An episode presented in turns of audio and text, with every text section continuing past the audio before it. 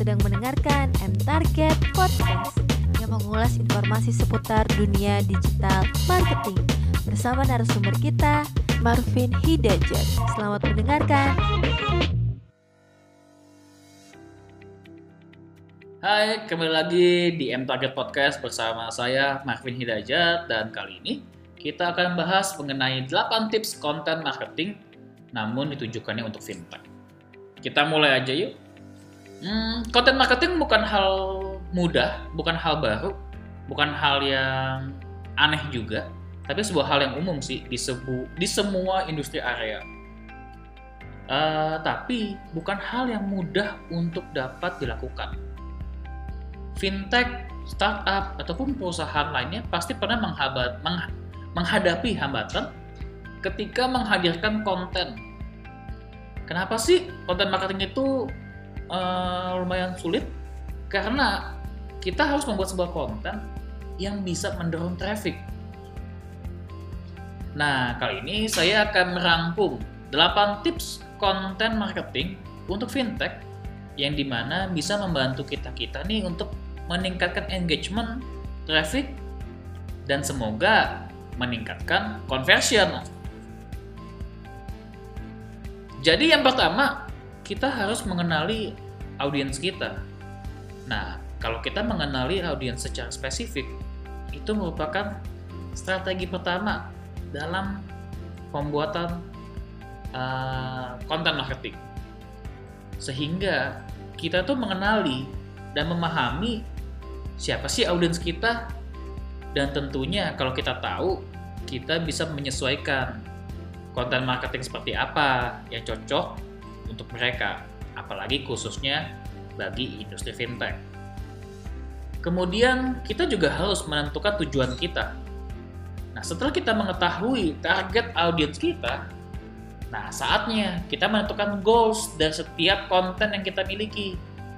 Jadi, kita bisa set goals-nya dalam goals jangka pendek ataupun menengah atau bahkan konten jangka panjang Hal ini dilakukan untuk membuat spesifikasi konten marketing kita. Nah, setelah kita tahu nih audiens kita, kita tentukan goals kita, saatnya kita memperkuat tim digital marketing.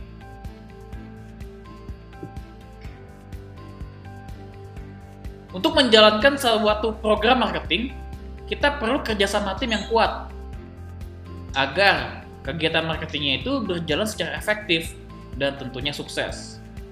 Manfaatkan bantuan dari luar, baik bantuan besar atau bantuan kecil. Kerjasamalah dengan tim development, karena mereka mengerti dan tahu mengenai uh, target kita. Bekerja sama dengan konsultan atau agensi juga saya rekomendasikan karena kita bisa melihat perspektif dari sisi mereka yang tentunya mereka lebih expert. Kemudian kita harus manage kontennya. Sebelum kita memulai konten atau membuat konten yang berkualitas, kita harus mengerti dahulu jenis kontennya dan topik yang ingin kita bikin agar semuanya terorganisir dengan baik. Kita harus tahu kapan kita ingin distribusikan konten tersebut atau channel apa aja yang ingin kita pakai. Gunakan kalender konten. Sehingga kita juga bisa set.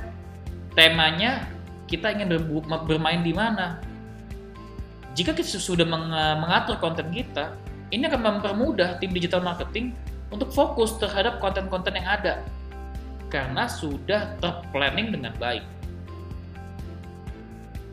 Kemudian jangan batasi konten. Mulailah berkreasi konten marketing yang ada itu hadir dalam berbagai bentuk dan terinspirasi dari berbagai macam sumber. Nah, kita bisa pertimbangin untuk membuat konten, uh, jangan hanya sebuah konten yang flat.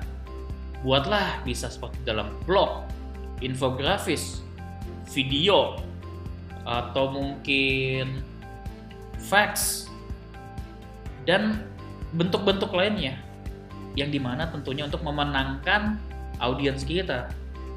Gunakan fitur forum ask and question di Instagram atau kita juga bisa melakukan survei untuk mengetahui apa saja yang diinginkan oleh audiens kita.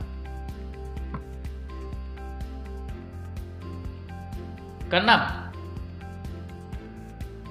perhatikan kualitas konten. Apa pun jenis konten yang kita hasilkan, jangan menghasilkan aset konten yang berkualitas rendah. Karena audiens kita ini inginnya mempunyai konten yang berkualitas tinggi yang di mana tentunya dapat membantu mereka memahami situasi mereka related dengan kondisi mereka dan bagi kita sebagai pemilik konten tentunya kita bisa memberikan informasi juga mengenai siapa kita mengenai brand kita untuk itu persiapkan dan berikan konten yang mereka butuhkan jangan cuman ikutin tren tapi kualitasnya nggak sesuai dengan kebutuhan audiens kita. Ketujuh, gunakan channel marketing yang cocok untuk segmentasi audiens kita. Memilih channel marketing sangat dipertimbangkan. Kenapa? Karena beda channel marketing, beda juga cara treatmentnya. Nah, untuk hal ini saya menyarankan atau merekomendasi menggunakan email marketing. Kenapa? Karena email marketing memiliki ROI empat kali lebih tinggi dibandingkan dengan channel lainnya.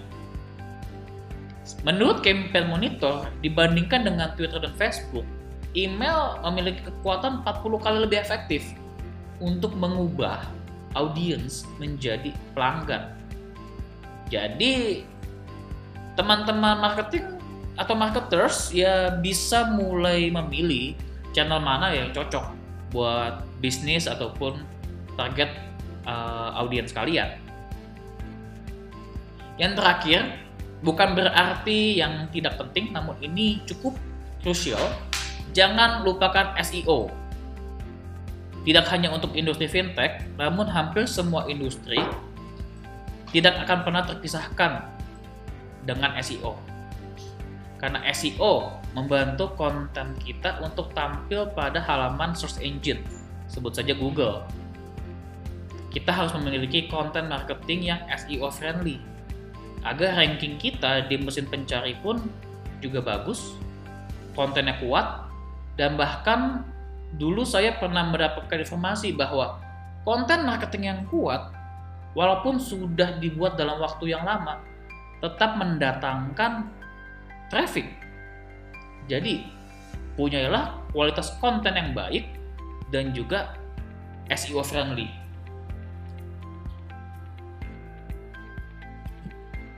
Terakhir ada pepatah sih. Pasti juga kita sering dengar bahwa aturan tuh dibuat buat melang buat dilanggar. Ya, tidak semua tips konten marketing yang saya berikan harus kalian ikuti. Namun kalian bisa melakukan improvement sesuai dengan kebutuhan bisnis kita dan bisnis Anda juga. Nah, sekian podcast M Target kali ini. Uh, jangan lupa follow kita dan dengarkan podcast podcast podcast podcast di episode selanjutnya.